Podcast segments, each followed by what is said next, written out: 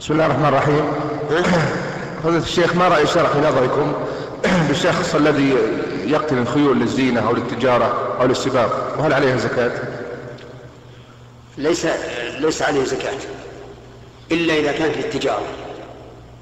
إذا كان الإنسان يتجر بالخيل يبيع ويشتري فيها فعليه زكاة فروض التجارة أما إذا عدها للسباق أو عدها للركوب فقد قال النبي عليه الصلاة والسلام ليس على المسلم في عبده ولا فرسه صدقة.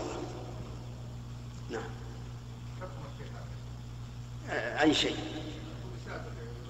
لا بأس حكمه لا بأس بل هو من الأمور المطلوبة ولهذا جاز جاز العوض في السباق على الخير. يعني يجوز يتسابق اثنين على على, الخير بعوض بفلوس. لأن في هذا إعانة على الجهاد في سبيل الله وتمر على ركوب الخيل والخير في نواصيها الخير إلى يوم القيامة. نعم.